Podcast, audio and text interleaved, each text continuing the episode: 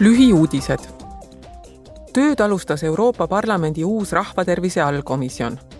vastavalt heaks kiidetud volitustele tegelevad selle kolmkümmend liiget ravimite ja kosmeetikatoodetega, bioterrorismi terviseaspektidega, Euroopa Ravimiametiga ning haiguste ennetamise ja tõrje Euroopa Keskusega seadusandlike ettepanekute läbivaatamise ja nende üle hääletamise eest vastutab jätkuvalt Keskkonna, Rahvatervise ja Toiduohutuse Komisjon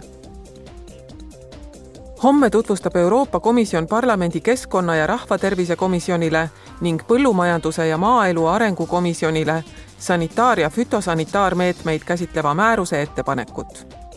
eesmärk on hõlbustada teatavate jaemüügikaupade ja lemmikloomade viimist Suurbritanniast Põhja-Iirimaale. Euroopa Komisjon tutvustab ka peamisi uusi reegleid, mis käsitlevad Põhja-Iirimaa turule viidavaid ravimeid.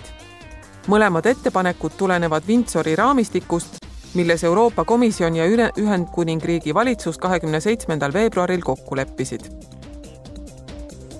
homme arutab parlamendi eelarvekomisjon arvamuse eelnõu Euroopa Komisjoni otsuse ettepaneku kohta, mis käsitleb Moldova Vabariigile antava rahalise toetuse suurust ettepaneku eesmärk on suurendada Moldovale antavat makromajanduslikku finantsabi saja neljakümne viie miljoni euro võrra et katta osa riigi välisrahastamise vajadusest kahe tuhande kahekümne kolmandal aastal, toetada makromajanduslikku stabiilsust ja edendada reforme